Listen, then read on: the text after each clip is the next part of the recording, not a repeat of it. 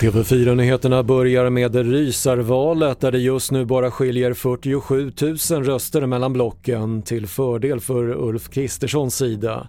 Det kan därför dröja många dagar innan vi har ett definitivt resultat och så här reagerade folk på stan nu under morgonen. Jag tycker det är väldigt spännande eh, att se hur det går.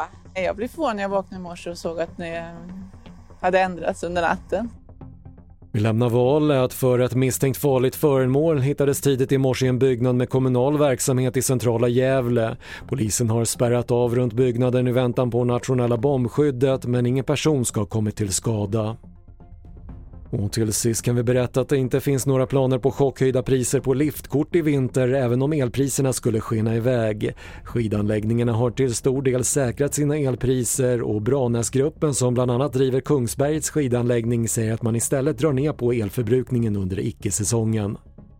Fler nyheter hittar du på tv4.se. Jag heter Patrik Lindström.